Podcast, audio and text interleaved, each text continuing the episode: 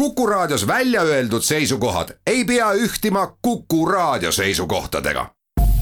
Te kuulate Kuku Raadiot.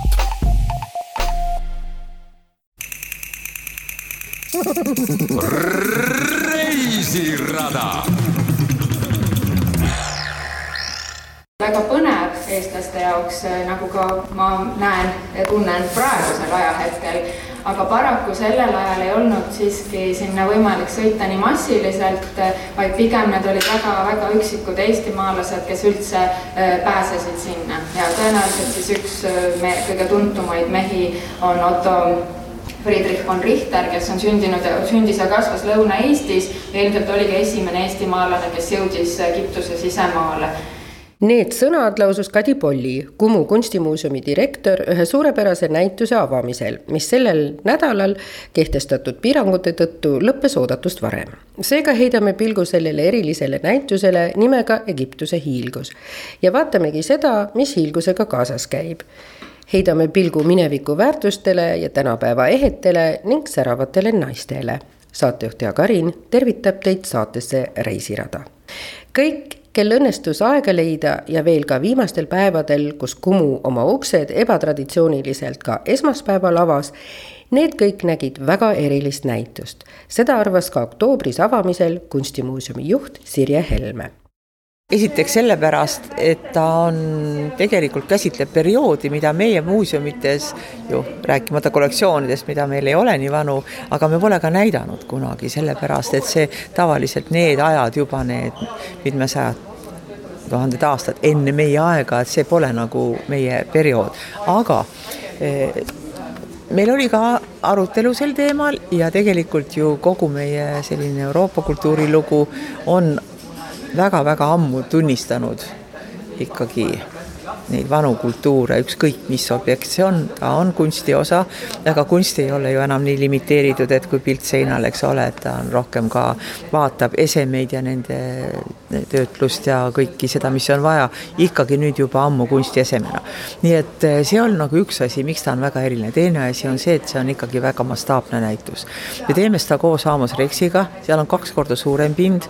ja me teeme seda koos muuseumiga, kes on eh, üks juhtivaid muuseumeid egiptoloogia alal. Nende kogud on pärast Kairo kogusid kõige suuremad ja nad on eh, tõepoolest väga võimsalt haaratud kõikidesse sellistesse mm, egiptoloogiaga tegelevate muuseumite ja ülikoolide ja teadusprojektide eh, võrgustikku, nemad olid ka, aitasid taastada nüüd seda eh, õnnetuses jah, kannatada saanud Kairo muuseumit, nii et nende roll on erakordselt oluline. Ja mulle väga meeldis see tõsidus, kuidas kuidas me hakkasime asju arutama, sellepärast et eh, see näitus on ju tehtud spetsiaalselt siia, see ei ole mingi rändnäitus. see on tehtud spetsiaalselt eh, Eestisse ja ka Helsingisse, nii et selles mõttes eh, nad noh, niisuguse tõsise teadlase ja museoloogi tõsidusega asusid asja juurde, aga meie ka muide. ja meil ei ole ju tegelikult, meie muuseumis puudub selline egiptoloogiline noh, teadmine ja sellepärast me laenasime meiepoolse kuraatori Tartu Ülikooli muuseumist, sest et äh, selleks ka siis Jaanika, meie kuraator, mm, kohe töötaski meie jaoks kokkuleppel Tartu Ülikooli muuseumiga ja nii, et meiepoolne kompetents oli täiesti olemas ja see protsess oli ka väga, väga noh, pikk selles mõttes, et kuidas nende esemetega kokku leppida, mida saab, mida saab ikkagi mm, siis Helsingi, mida saame meie ja mis on meie näituse kontseptsioon, see on kõik olnud äärmiselt põnev protsess. aga ma tahan veel seda rõhutada, et tõepoolest ka Jaanika rääkis seda, et see meie muuseumi eh, pikalt arendatud ja üha paremini mine, minev, kuigi noh, mis nüüd sellest eh, koroonaajast ei taha kohe rääkidagi, see rahvusvahelistumise programm, et see ei ole tõesti ainult see, et me tahame noh, olla edevad ja tuua siia mõned suured nimed, see ei ole nii. me, me töötame publikule, me töötame meie publikule ja me töötame meie kultuurile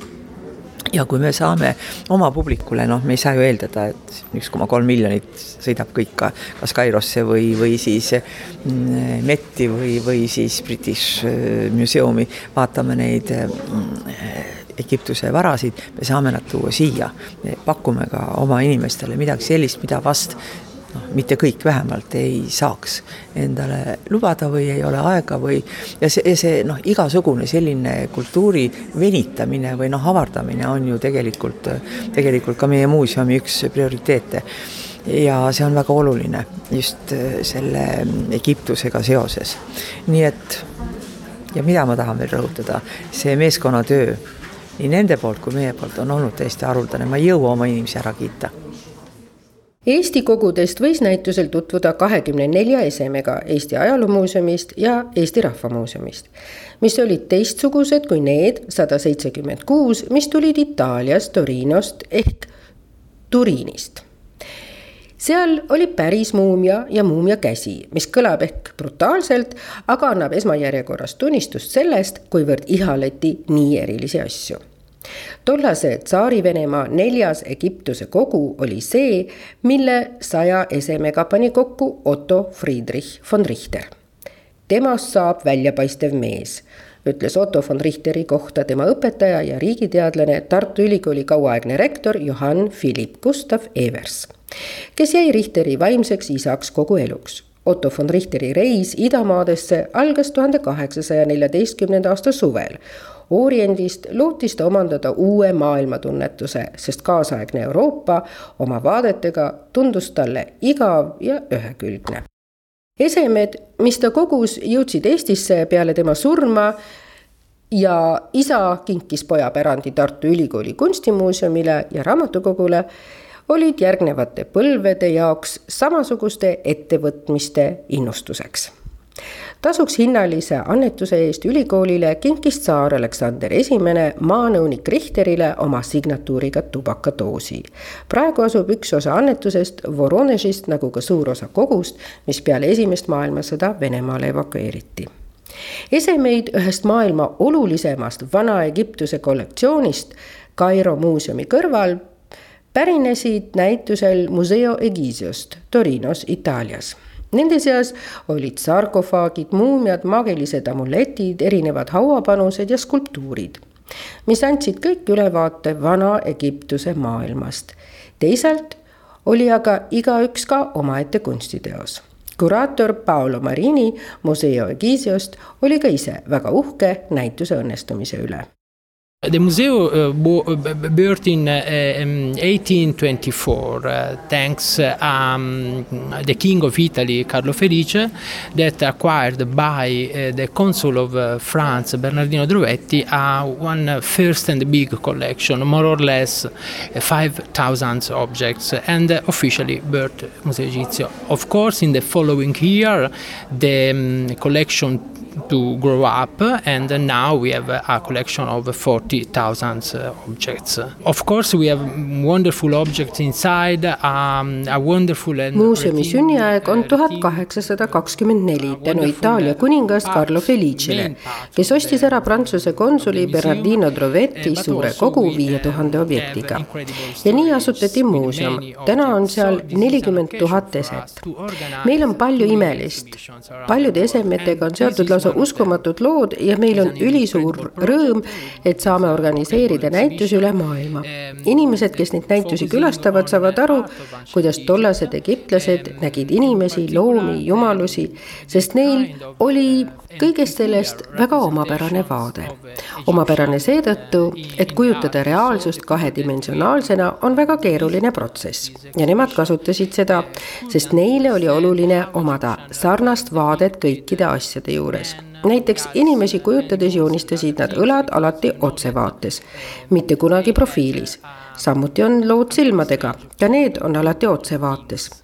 võime väita, et nende stiil on kubistlik, seetõttu ütlen ma omapärane, aga igati alati äratuntav. Carlo Felice oli üheksateistkümnenda sajandi Itaalia kuningas ajal, kui huvi Vana-Egiptuse vastu hoogustus veelgi kui Turiinist sai Itaalia pealinn kuueteistkümnendal sajandil, siis väljakaevamisel avastati templi jalamil ladinakeelne kiri, mis viitas sellele, et see tempel kuulus jumalanna Iisisele arheoloogid järeldasid, et Torino on Egiptuse päritolu ja Savoy dünastia tollane hertsog otsustas hakata koguma Egiptuse esemeid, et leida tõestust Egiptuse päritolule ei tohi unustada, et Savoia dünastia oli tollal üks Euroopa vanimaid ja olulisemaid ning pealinna õilistamiseks hakati kasutama legendaarse Egiptuse legende ja see õhutas entusiasmi omada Egiptuse muistiseid. Osa esemetest, mis Eestisse saabusid, olid Türiini muuseumi laost, kus neid eelnevalt restaureeriti, ütleb Paolo Marini I selected some of very beautiful objects, uh, like, for example, coffins, uh, sarcophagi, a mummy, and um, wooden statuettes, uh, shabtis, canopy jars. All that was, um, all that were very um, symbolic for Egyptian civilization. ma valisin mõned imekaunid objektid vastavalt oma kontseptsioonile nagu sarkofaagid, muumiad ja puidust miniskulptuurid, hauatähised ja kõik oli väga sümboolne Egiptuse kultuuri jaoks Dunque, io penso che sia assolutamente da condannare ehm, questo traffico di artefatti archeologici per diversi motivi. Innanzitutto il fatto che musei europei possano eh, acquistare oggetti di provenienza di questo tipo illegali è veramente eh, inconcepibile e inammissibile. Il primo lavoro di un curatore, del direttore di un museo eh, archeologico è quello di preservare le collezioni che, che conserva e, e, di preservare la storia che eh, si è sviluppata alle spalle di, queste, mm, eh, di, di questi artifa- artefatti. minu arvates on uskumatu, mis toimub artefaktide illegaalses transpordis. muuseumide ja kuraatorite prioriteet on hoida ja säilitada Egiptuse kunsti ja antiikesemeid. uskumatu on, kui neid lõhutakse, sest see on väga imelik ja samas perfektne vasturääkiv tõend ISISe terrorismile, kes on palju lõhkunud öeldes, et ajalugu on kurja juur moodsa inimese jaoks ja samal ajal müüvad nad suure raha eest artefakte lääne inimestele. see on uskumatu, sest selle rahaga toetatakse terrorismi. Läheme pikast trepist alla, mis oli kujutatud nagu laskuksime maa alla püramiidi sisemusse This is the coffin of Consuirdis that was a, a very high uh, character of ancient Egypt and uh, a very uh, rich person. Uh, you can see that the, um, uh, all the coffin is uh, decorated with um, full colors um, over um, a, a, layer of plaster. The woman is here depicted with a wonderful wig, a uzek collar that cover all the um, all the chest and then a lot of magical inscriptions and uh, religion scenes that of course protect the, the, the deceased. And uh, see on ühe väga kõrge positsiooniga isiku sarkofaag, kes oli ka väga rikas. see on majaemand Konsuiriidise inimkujuline sarkofaag, mis kujutab lahkunut muvitseerituna et ta rikas oli, sellest saab aru selle järgi, et kõik on kaunistatud värviliste vanikute, helmestega ja ta kannab laia geed. maagilised sissekirjutused ja religioossed stseenid, millel on kaitsefunktsioon ja sellega on tegemist Hilis-Egiptuse kunstiga. nii et me räägime siin kaheksandast, seitsmendast sajandist enne Kristust Egiptuse valitsuse projektina on kasvamas suur riiklik muuseum, mis on ette nähtud mitte ainult turistidele, vaid ka egiptlastele endile The Egyptian Museum of um, Tahrir Square, that is the old uh, museum in uh, Cairo, is rethinking its layout, its uh, um, uh, setting up, and uh, we are proud because we are working in this project together with many other museums of Europe, as well Louvre, British Museum, Egyptisches Museum of Berlin, and many others. Egiptuse muuseum Tahriri väljakul, mis mis on see vana Kairo muuseum, korraldatakse ümber. me töötame selles projektis kaasa koos teiste Euroopa muuseumitega nagu Louvre, Briti muuseum, Egiptisches Museum Berliin ja mitmed teised. meie aga oleme selle projekti juhiks tänu Euroopa Liidu ideedele ülimoodsa ehk niinimetatud Suure Egiptuse muuseumi lühikese nimega GM pani aluse juba Hosni Mubarak aastal kaks tuhat kaks. eeldada on, et see maailma suurim arheoloogiline muuseum avab uksed aastal kaks tuhat kakskümmend üks. see on suurim muuseum, mille ekspositsioon on pühendatud ühele tsivilisatsioonile ja mille kollektsiooni kuulub rohkem kui viiskümmend tuhat eksponaati erinevatest Egiptuse muuseumitest üle maailma, nagu ka leiukohtadest. ja mitte ainult seda muuseum paikneb kahe kilomeetri kaugusel Gize püramiididest ja sealt avaneb vaade neile. esimest korda näidatakse muuseumis ka kogu Tutankhamoni kollektsiooni veel mitte iial maailmale näidatud artefaktidega väga entusiastliku ja suure uhkusega oma muuseumist kõneleva Turiini Egizio muuseumi kuraatori Paolo Marini käest ei saa ma jätta küsimata, kuidas ta ise sattus tegelema just Egiptusega it's a it's a difficult question for me because I, mm, I, I remember that when I was a child I was in love for Egypt. I don't know why, but when I saw some Egyptian statue or uh, Egyptian depicting, I was in love. Then during my life I changed this point of view because uh, because I am also a, a drawer, no. Uh, but at the end, during my university study, I decided to to study Egyptology, and uh, I was a little bit scary because. Uh, become an Egyptologist is not so simple. Uh, in Italy, it's very, very, very hard. But at the end, my mm, I think that uh, I was also a lucky man because I I met a wonderful professor that uh, believed in me, and so I I did a PhD in. In Italy. Uh, immediately after the PhD, I had an interview with the, the director of Museo Egizio, and he decided to yes to work with me see on minu jaoks keeruline küsimus. ma mäletan, et kui ma laps olin, siis ma hakkasin armastama Egiptuse kunsti ja ma ei teagi, miks. kui ma nägin Egiptuse kujusid, siis mu süda põksus. oma elus ma muutsin oma seisukohta, ma olen tegelikult nimelt ka juveliir. Aga oma õpingute ajal otsustasin hakata õppima egiptoloogiat. olin veidi hirmul, sest töötada egiptoloogina Itaalias on väga keeruline aga tuli välja, et ma olen õnnelik inimene. ma kohtusin võrratu professoriga, kes uskus minusse. ma lõpetasin Itaalias doktoraadi ja otse peale seda oli mul intervjuu Egizio muuseumi direktoriga ja tema otsustas alustada minuga koostööd. وبحبك وحشتيني بحبك وانت نور عيني ده وانت مطلع عيني بحب قد إيه؟ لفيت ما لقيت غير في حضنك بيت وبقول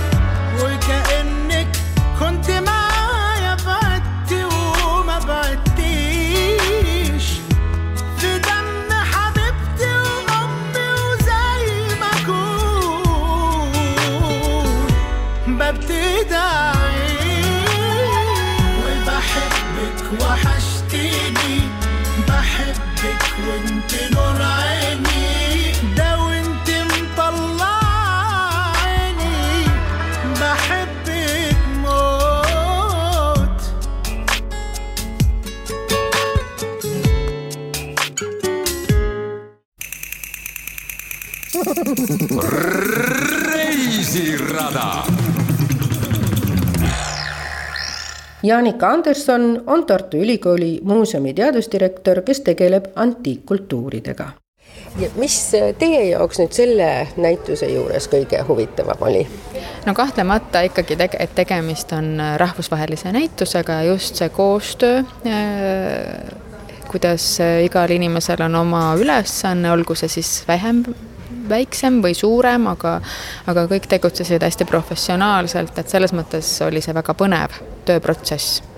kas te enne olete ka Vana-Egiptuse kultuuriobjektidega, artefaktidega kokku puutunud? Äh, ja ma olen no, nii-öelda oma kodumuuseumis, Tartu Ülikooli kunstimuuseumil on kaks poisslapse muumiat, mis ongi mind tegelikult Egiptuse juurde toonud, et seal me avasime kaks tuhat seitseteist vist juba Äh, nii-öelda muumiakambri, kuhu me siis majutasime oma, oma muumiad ja pärast seda on siis äh, järgnenud neile ka sellised teadusuuringud ja et kuidas siis tänapäeval saab nagu neid objekte uurida, mis on nagu ka täiesti huvitav valdkond. Ja mis oli nüüd nende muumiate juures, siia on meil tulnud ka üks muumia ja üks imeline sarkofaag, mis on ka selle plakati peal. Mm. -hmm seda muumiat, mis praegu siin sellel näitusel on, sellele kahjuks ei ole selliseid täpsemaid uuringuid tehtud, sest et äh, teistes riikides on neid muumiaid võr-, võrdlemisi palju rohkem kui meil. et seetõttu ei ole kõikidele veel jagunud seda aega, aga, aga üldiselt tavaliselt muumiaid nagu uuritakse selle kompuutertomograafiga, mis siis annab nagu täpsema info, vanuse haigused vahepeal, äh, vigastused, mm, aga selle po-, poisslapse puhul, kes siin on eksponeeritud, ei ole seda kahjuks veel jõutud teha. küll aga 3D mudel, mis on siia tulnud Tartu Ülikooli ühest poisslapse muumiast, vot tema siis on nagu paremini uuritud meie oma kodumaa pinnal kõige uhkem äh, objekt näitusel on kindlasti see, mille te olete valitud ka plakati peale mm. -hmm. kindlasti on ta väga uhke, fotogeeniline äh, naisterahva sarkofaag paljude kaunistustega ja kena naeratusega ja nüüd, millist rolli mängisid siis muumiad Egiptuse, Vana-Egiptuse eluolus? no see oli võti igaveseks eluks et see, et säilitada keha, äh, et äh, hingel oleks koht, kus olla ja tulla, et selleks oli tarvis siis äh, keha siia, siiapoole ellu alles jätta. Ma sain aru, et see suhtumine Vana-Egiptuses oli ka veidi teistsugune, kui me mõtleme Barclay de Tolli muumia peale, siis tema süda on jäetud hoopis kusagile mujale, aga egiptlased mõtlesid teisiti jaa, et kui mumifitseerimisel tavaliselt siis keha reeglina, eh, vähemalt selliste kallimate töövõtete juures, eh, siis kogu sisikond eemaldati, kaasa arvatud aju kui tähtsusetu organ egiptlaste jaoks, siis süda jäeti alati alles, sest südames eh, oli kõik, mis see seostus nende jaoks tunnetega, mõistusega, nii et süda pidi jääma siis funktsioneerima kehasse kas siis need kõnekäänud, mis meil on, et süda valutab või kerge südamega, kas need tulevad kuskilt sealtkandist? no mulle endale küll tundub, et oleme midagi vist ikkagi üle võtnud, et ei saa öelda, et me oleks väga kaugel, aga noh, muidugi äh, see on lihtsalt nagu tegelikult väga kummaline, et inimestel ikkagi on üle maailma uskumused, mis on kohati täitsa sarnased et kui me ütleme, et mul süda valutab, et siis tegelikult oleme me kaudselt seotud Egiptuse muumiatega. no justkui jah äh, muumiatele anti ju sarkofaagi kaasa ka väga palju esemeid mm. -hmm jaa, et äh, alustati juba muumia mähkimisega, siis äh, mähiste vahele paigutati erinevaid amulette äh,, mis siis pidid näiteks tugevdama äh, kas mingisugust kehaosa või kaitsma äh, madude eest teispoolsuses, aga näiteks tehti ka nii, et kui inimene oli elus kaotanud sõrme või jala, siis tegelikult talle asetati sinna protees et ta saaks minna tervena teispoolsusesse. ja siis kõik see mate-, kõik igasugused asjad, mis hauakambrisse või kaasa pandi, pidid tagama siis sellise jätkuva külluse, noh alates toidust kuni mööblini, kui Äh, Tutanhamon näiteks meile teadaolevalt oli me oleme nüüd täna teame, et ta oli lombakas, sest et talle oli kaasa pandud sada kolmkümmend äh, jalutuskeppi, mis pidid tema seda jalga siis toetama. et mõeldi väga täpselt, mida inimesel võib vaja minna, sest keegi ei tahtnud, et tema lähedane tunneks teispoolsuses puudust Te ütlesite ka enne, et äh, näiteks noh, kokk pandi kaasa või, või mm -hmm. mis, mis üldse olid sellised kaasapandavad esemed mm? -hmm see kosmiline selline mõtteviis ja no pandi kõike, mis võis, mida inimene kasutas igapäevaelus ja võib-olla rohkemgi. no näiteks noh, muidugi see sõltus hästi palju ka inimese sellisest varanduslikust tasemest, et kahtlemata valitsejate hauakambrid olid ikkagi midagi muud kui tavainimeste omad või keskklassi omad. aga no näiteks kõige tavalisem toit leivad, villi mm, kosmeetikumid, et ikkagi saaks ennast ilusaks teha, mm, mööblitükid, riided, paadimudel, mis siis võiks justkui tagada sul võimaluse paadiga sõita, kokk, kes teeb sulle süüa aga noh, siis hiljem siis need nii-öelda nagu kujukesed vahetasid välja ušeptid, et need olid sellised nagu väikesed töö, töö töönukud, et neile sai siis anda nii-öelda käskluse, kui midagi vaja teha oli, siis need väiksed töönukud tulid ja tegid ära, et oli selline ettekujutus, aga see, noh, see oli nagu selline nagu lihtsustumine mõnes mõttes. kes oli rikkam ja kes oli vaesem, kuidas muumia puhul aru saada? muumia puhul mm, -hmm. no esiteks äh,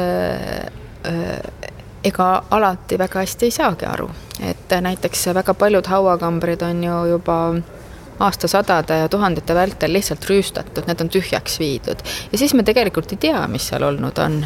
ja väga mitmed muumiad on hiljem siis tuvastatud just nende nimede järgi, et me võime küll näha, et seal on nagu suurepärased seinamaalingud, et justkui võiks olla keegi, kelle eest on, kelle matmise eest on väga palju hoolt kantud ja siis täna, kus me oskame hieroglüüfe lugeda, siis me saame näiteks lugeda seintelt välja, et tegemist on mõne vaarauga. et varem ju seda võimekust ei olnud enne seda Rosetta kivi avastamist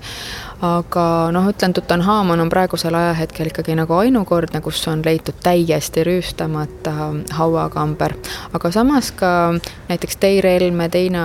mm, töödejuhataja ka ja tema naine Merit, kes kuulusid ilmselgelt ikkagi keskklassi, ka nende hauakamber oli väga kenasti tehtud, sest noh, nad ise olid mm, ka ise oli seotud kuningate oru hauakambrite ehitamisega, loomulikult tal olid need oskused ja teadmised, milline tema enda hauakamber võiks olla, et et ja muidugi tegelikult ju ega siis kõik ei saanud, leidnud ka teed hauakambritesse, et eks ikkagi oli ka neid, kes äh, leidsid mingi lihtsama vormi mm, oma järeleluks, sest muumiate tegemine sai üldse alguse sellest, et esimesed muumiad tekkisid kõrbeliivas lihtsalt. nagu selline ikkagi, nagu ikka asjad avastatakse juhuslikult peale muumiate tuleb Egiptusega seoses kohe ka meelde kuninganna Kleopatra, jumalannana austatud, prostituudina põlatud kes olla võrgutanud kaks võimast Rooma sõdalast, et päästa oma riik. lõpuks kaotas ta ka kõik. siiani uurivad arheoloogid ja teadlased, kes ta siiski oli. kindel on aga, et Kleopatra armastas smaragde, mis leiti Egiptuses juba enne Kleopatra aega. ja loomulikult lisasid nad oma panuse Egiptuse hiilgusele Smaragde pandi kaasa sarkofaagidesse ja need pidid meenutama nooruslikkust. seega tegi koos Egiptuse näitusega Kumu koostööd ka ehte kunstnikega, räägib Age Luiga, Eesti Kunstimuuseumi kaupluste juhataja ehte kunstnikke me oleme siis kaasanud äh, erinevaid. Äh, ja siin ma tõin välja siis lisaks Jaanas Kunnile on meil ka siis Jaana Einard, kes on siis Nardi kaubamärgi esindaja ja põhimõtteliselt see töö nagu näebki välja siis niimoodi, et kuraatorid panevad mulle kokku tegelikult sellise paketi või sellised suunised, et milliseid materjale kasutati, mis värvid olid populaarsed äh, sellel perioodil, milliseid ehteid kanti. Ja siis mina siis hakkan otsima, et, et tihtipeale siis näiteks äh, me leiame siis nagu olemasolevatest koostööpartneritest kedagi, kelle, kellega koostööd alustada Äh, Jaana puhul siin on tõesti, tema on nagu uus meie jaoks, et, et, et lihtsalt sai ka temale visatud see idee õhku, et on tulemas selline näitus, et mis ta arvab, kuna tema saadetud töödest pildid tundusid nagu väga haakuvad selle teemaga. Et, et see ongi nagu selle töö juures hästi tore, et sa kunagi ei tea, et kuhu see, see koostöö siis nagu lõpus välja jõuab, et mis toredaid ideid siis kunstnikud nagu pakuvad nii, tema on tegelikult meil nagu püsivalt olnud sees, Mari Pärtel-poeg jah, et kuigi need ehted ka hästi äh, haagivad äh, selle teemaga kokku, et on, äh, siin on ju täishõbedat ja kullatud ja väga sellised ähm, hinnalised materjalid, hinnalisi materjale kasutatud. ja Tanel Veenre kollektsioon loomulikult oma putukatega sobib hästi siia teemasse, mis tal on juba kaua olnud, aga hästi sobis meie Egiptuse Eh, teemaga, et siin on igasuguseid eh, huvitavaid putukaid ja, ja häid materjale ja ka värve, et et sellistele noh, eestlastele minu arust üldse need väga, need toonid väga hästi sobivad, et et tema asju ka me müüme nagu päris kenasti. Siis Jaanika Mägi prossid võib ju ka noh, välja tuua siin, mis ta on teinud sellised nagu, tema kasutab siis sellist tikkimise või heegeldamise tehnikat ja, ja on ka väga kunstipärased ja erilised ja just teistmoodi, et ka see, et hoida seda toodete valikut väga nagu mitmekülgsena, et meil ongi hästi erinevad ehted ta kasutab siis sellist äh, spetsiaalset äh, niiti või kuldlõnga. ma arvan, et äh, ta ise kindlasti oskab täpselt selle oma tööde kohta paremini kindlasti rääkida, et aga natukene meenutavad ka püramiide või selliseid nagu mingisuguseid Egiptuse selliseid kujundeid mm. -hmm ja siis siin on Piret Kortuse ehted, et äh, tema tegelikult nüüd need suuremad ehted ka tegi nüüd inspireerituna äh, sellest näitusest, pärast näituse algust ja tema kasutab siis selliseid äh, vintage helmeid tegelikult, mis on ka jälle hästi tore, et nagu vääristada juba neid olemasolevaid asju ja siis teeb selliseid toredaid minu arust ka nagu suur, suuremaid ja värvilisi ja toredaid äh, ehteid. et Jaana Einardi poolt tehtud ehete puhul on siis kasutatud selliseid äh, väga erilisi ja sätendavaid ja väga pilku püüdvaid siis erinevaid selliseid äh, helmeid ja pärleid ja ta ongi kasutanud siis siin selliseid klaasist pikkasid helmeid, mis on siis selliseks äh, väga huvitavateks nagu kaelaeheteks formuleeritud. et, et see oligi nagu meie mõte ka, et hoida siis sellist nagu ühest joont, et me ei tahtnud väga palju, väga mitmeid erinevaid ehteid, et et selles mõttes mulle ka, ka Jaan, teise Jaana äh, need ähm, keraamilised asjad nagu väga meeldivad, et ka temal on selline väga oma joon ja oma stiil ja oma värvid, mida ta kasutab, et see nagu juba hästi sobib ja, ja me kasutasime ka siis äh, meie enda äh, Kumu nagu kingitusteks siis neid Jaana neid tooteid. Jana Žgun on keraamik ja värske Keraamikaliidu liige, kes endalegi ootamatult sattus tegelema Egiptusega ja ütleb, et veidi raske on kodusest vaikusest välja tulla ja kohe eesti keelt rääkida kevadel istusime kõik kodus eelmisel aastal ja no mul olid väiked tellimused, aga samas ma mõtlesin, et ma pidin hakkama kuidagi oma tööd juba Eestis müüma hakkama. ja no võib-olla inspireerimiseks või midagi, ma hakkasin noh loengut Egiptusest eh, kuulama kogu aeg, ma ei tea, miks, ma leidsin lihtsalt huvitava mehe, no vene egiptoloog, ta on väga huvitav nagu selline süga, sügavalt räägib. Äh, ma, ma kohe, mul ei tule meelde, sest see oli ammu juba nagu aasta tagasi, läks meelest ära. aga äh, selles mõttes, et ta andis mm, kuidagi nii palju in info, no ma ei teadnud veel, et ma kasutan tegelikult seda pärast, et äh, juba suvel hakkasin no otsima nagu kohad või, või, või hakkasin mõtlema, no mm, võib-olla pakun midagi siin Eestis nagu müüa. Ja kuna mul pakuti nagu Egiptusest noh, Egiptuse teemaga seotud asjad nagu välja mõelda, siis no see oli imeline, nagu müstiline tunne, no nagu Egiptus ongi selline nagu tekkis selline emotsioon, et no muidugi ja, ja need asjad, nad lihtsalt tulid välja kuidagi noh südamest kohe nagu sündisid, no ma, ma ei, mul oli just selline savi, mis oli vaja, sellised glasuurid, mis oli vaja ja kõik oli juba nagu valmistatud tegelikult, et ma ise ei ole oodanud, et tuleb selline, et jah. siin on üks taldrik tehtud sama kollasest savist ja läbipaistva glasuuriga õrnalt kaetud ja ma panin sinna hieroglüüfid, sümboolika, samamoodi nagu papüüruse peale äh, joonistatud. ja mida need hieroglüüfid meile räägivad? no siin on mõned nagu ma arvan, äh, skarabeuse sümboolika, et viljakus võib olla ja siis jalad, et peab minema kuskile või, või sellised nagu, aga no täpselt ma ei oska seletada. no vot loomad ja nagu ma ei tea, mida nad täpselt tähendavad. no võib-olla siin on sellised, et nagu noh, haua maalit-, haua peale maalitud ja siis räägivad sellest, et kuidas käituda pärast elu. midagi sellist võib-olla no tegelikult ma vot kuna lugesin, lugesin, kuulsin need loengud, Viktori Solki, Solkini loengud, sealt ma sain teada, et Egiptusest tulid kõik muinasjutud Euroopast nagu mm -hmm. tegelikult, mis on kirjutatud, kõik lood, tegelikult kõik tuli Vana-Egiptuses mm -hmm. ja läbi Kreeka, nagu ma arvan, tulid Venemaale. ja no see on kuidagi traditsioon, traditsioonis ikkagi, kui meie ise ei tea nagu midagi, et vot niimoodi reisirada kui Kleopatra oli Vana-Egiptuse särav naine, siis kas tänapäeval võib öelda, et säravad naised on leida IT-sektoris? Ma arvan, et säravaid naisi on igas sektoris ja võib-olla noh, kui, kui mõelda seda IT-sektoriga seost, siis ka kõik,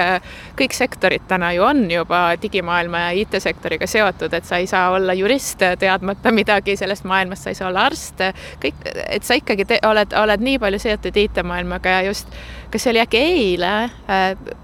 kui oli uudistesse, et ähm, neli, neli Euroopa siis naisvalitsusjuhti, et Eesti peaminister, Soome peaminister, Taani peaminister, Saksamaa liidukantsler, et äh, kes kõik on ju naised, eks ole, et nemad esitasid siis Euroopa Komisjoni juhile ettepaneku, et digipööret võiks Euroopas nüüd kiirendada, et, et Euroopa võiks saada selleks juhtivaks nii-öelda digipöörde piirkonnaks, eks ole, et, et ma arvan, et jah, naised võivad sära säravad olla igal pool ja väga lahe, kui nad siis on läbi selle diginurga või IT-nurga säravad ja kui me nüüd vaatame tagasi, milline oli teie algus, millised olid need esimesed superideed? No minu enda taust on ka täiesti teises valdkonnas, et algselt ma olen, ma olen õppinud üldse juristiks ja, ja see IT-valdkonnaga seotuks saamine tegelikult oli noh, mõneti juhuslik, mõneti igati loogiline, et ongi, et kuna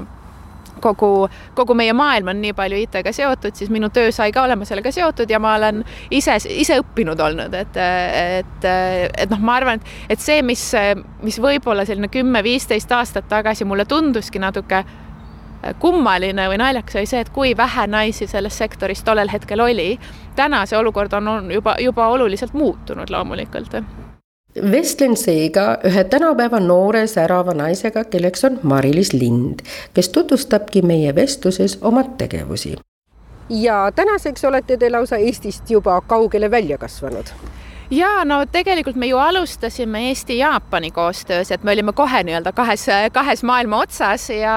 ja, ja täna kaks aastat hiljem tõesti me oleme, tegutseme seitsmes riigis, et lisaks Eestile ja Jaapanile me oleme Leedus, me oleme Singapuris, me oleme Filipiinidel, me oleme USA-s ja nüüd just, just sellel nädalal me alustame tegevusi Uus-Meremaal ka ja mida me teeme, on meie suur eesmärk on lihtsalt lastes ähm, ettevõtlikkus äh, pisikut ja sellist loovuspisikut suurendada ja noh, seeläbi meil on nii-öelda kolm erinevat äh, tegevussuunda. üks nendest on see, et, et me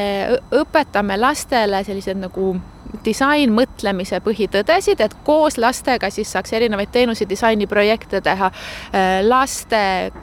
kaasabil mõelda välja erinevate organisatsioonide jaoks siis nii-öelda lastekesksemaid tooteid ja teenuseid teine asi, mida me teeme, me arendame ise tarkvara, mis muudab äh, muidu keeruka tehnoloogia sellisele kaheksa kuni kümneaastasele lapsele lihtsamini kasutatavaks, et äh, näiteks laserlõikuri juhtimine, et oleks hästi lihtne laste jaoks intuitiivselt kasutatav, väiksed ähm, tarkvarajupid, mille abil laps õpib kiiremini prototüüpima. Ja, ja kolmas suund, millega me tegeleme, ongi siis sellised ähm, reaalsed projektid lastega, kus nemad mõtlevad oma tooteid-teenuseid välja ja meie siis aitame neil ähm, siis kas tehnilise või äri poole kompetentsiga natukene siis jõuda selleni, et, et meil tekiks lapsettevõtjaid ka rohkem juurde. et, et see kolmas suund on just midagi sellist, mis me tegelikult täna siin Eestis oleme nüüd lähinädalatel välja tulemas just selline üheksa kuni neljateistaastastele lastele suunatud äh, videoõppematerjaliga, et kuidas üldse saada ettevõtjaks ja just nimelt tehnoloogia ettevõtjaks, et, et, et kolm kümneaastast last on siis, kes, kes on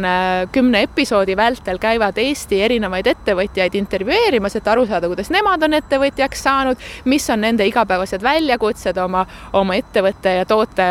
kasvatamisel ja arendamisel ja läbi selle siis nema, need lapsed üritavad siis oma algset äriideed nagu paremaks, täpsemaks tuunida, et sellest ühel päeval siis ka sellise maailma vallutava tegemisega turule tulla. Kaks aastat tagasi, nüüd me suvel käisime enda Korea tiimil külas ja vii-, võtsime siit kaasa ka neli siinset last, kes siis seal viisid läbi lastele toiduteaduse töötubasid, et, et, et näidata, kuidas toiduga saab katseid teha, samas kuidas saab kokata, aga just, et nagu panna mõtlema nagu, et noh, et sinu köök on natuke selline sinu füüsikalabor ja keemialabor, et, et, et toit ei ole lihtsalt toit, vaid, vaid see ongi selline esimene koht, kus, kus päris nagu teaduskatsetusi ka teha. ja, ja mis meile tuli üllatusena, on see, et jällegi nagu Koreas Soulis nagu tohutu suur linn, eks ole, eh, väga kodus inimesed üldse süüa enam ei tee, et tellitakse ainult toitu ja seal oli nagu kümneaastaseid lapsi, kes veel ei osanud noaga lõigata, kes ei olnud kunagi käes nugagi hoidnud, et, et see, see nende jaoks see selline toiduga katsetamine, mängimine või, või noh, isegi baas nagu ma ei tea asjade lõikamine oli niivõrd uudne kogemus, eks ole, et võrreldes meie lastega hästi teistmoodi, onju. aga samas jällegi nagu mingites teistes valdkondades see on just risti vastupidi, et meie siin võib-olla ei, ei pööra üldse tähelepanu teatud oskustele, mis, mis lapsed võiks omandada ja, ja seal jälle pööratakse sellele tähelepanu et, et noh, meie Singapuri tiimiga me oleme nendega, ma arvangi, et Eesti ja, ja Singapur on kõige rohkem kõige sarnasemaid tegevusi teinud, et et me teeme neid laste ettevõtlikkuse nagu projekte ja tahame, et nad, nad mõtleksid suuri maailma muutvaid äh, tooteid, teenuseid välja, õpiksid neid esitlema varakult, enda, enda noh, ideid selgelt välja ütlema, mõtlema sellele, et kuidas ideest päriselt jõuda tooteni, kõike seda, et, et see on, see on nagu hästi sarnane jälle, et nagu Eesti ja Singapuri lastel, peredel, mulle tundub. Tuleviku muutmisega kaasneb ka see, et maailm meie ümber muutub aina väiksemaks. Ja see on seotud ka reisimisega nõus, nõus, aga ma, mulle tundub, et lisaks reisimisele, millega see on seotud, nüüd ongi kõikvõimalik digitehnoloogia, et see viimane aasta on just väga hästi ju tõestanud, et et üle Zoomi kõne sa võid kellega iganes maa, mis iganes maailma nurgast oma asju ajada ja ilmtingimata alati ei ole vaja kuskile kohal, kohale lennata, et et meile, meie jaoks on ka olnud hästi hea võimalus näha, kuidas tegelikult ongi lapsed üle maailma Zoomis teevad teevad äh, koostööd, et me oleme valinud alati selleks päevaks laupäeva, et ei oleks koolipäeva, aga et siis ongi, et Eestis ja, ja Leedus on, on lapsed Zoomi kõnes siis hommikul üheksa-kümne ajal. Äh, Jaapanis on see võib-olla selline pealelõunane aeg ja siis äh, USA-s omakorda ne, nemad juba on, on õhtul enne magama minekut siis kõik ühes kõnes koos, et, et see on hästi, hästi tore tegelikult näha, et, et mingid asjad, millele me ise võib-olla aasta-poolteist tagasi mõtlesime, et kuidas me seda teoks teeme, et kuidas me saame need lapsed koos nagu töötama, et see ei ole ju võimalik ajavööndite ja kõige tõttu, siis neil on täitsa ükskõik, neil on nii tore, et, et selles mõttes äh,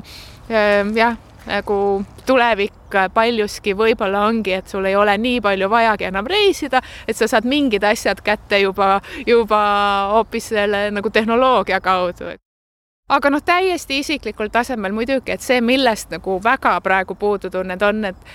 uued lõhnad, maitsed, värvid, helid, mis selliste nagu uude linna või riiki sisenemisel sinuga nagu tulevad, et see inspiratsioonilaine, mida sa saad uuest kultuurist, kohast, paigast, et noh, sellest jääb täna küll puudu, et siit, et loodame, et see normaalsus tuleb tagasi ja, ja seda saab varsti jälle kogeda ammu enne Fiati ja Lancia kodu oli Torino ehk Turin võimsa Savoy dünastia asukoht. kui piirangud loodetavasti peatselt langevad, siis tasub kindlasti linna külastades sisse astuda ka maailma ühte olulisemasse Egiptuse muuseumisse ning meenutada maad, mille kuulsaim esindaja oli tark naine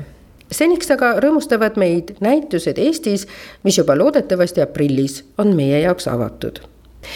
kõik nutikad lapsed aga on teretulnud laste ja noorte loovuskiirendisse Vivita. jällegi ühe särava ja targa naise loodud startup'i toel ja selliselt leidma oma tee maailma muutmisel.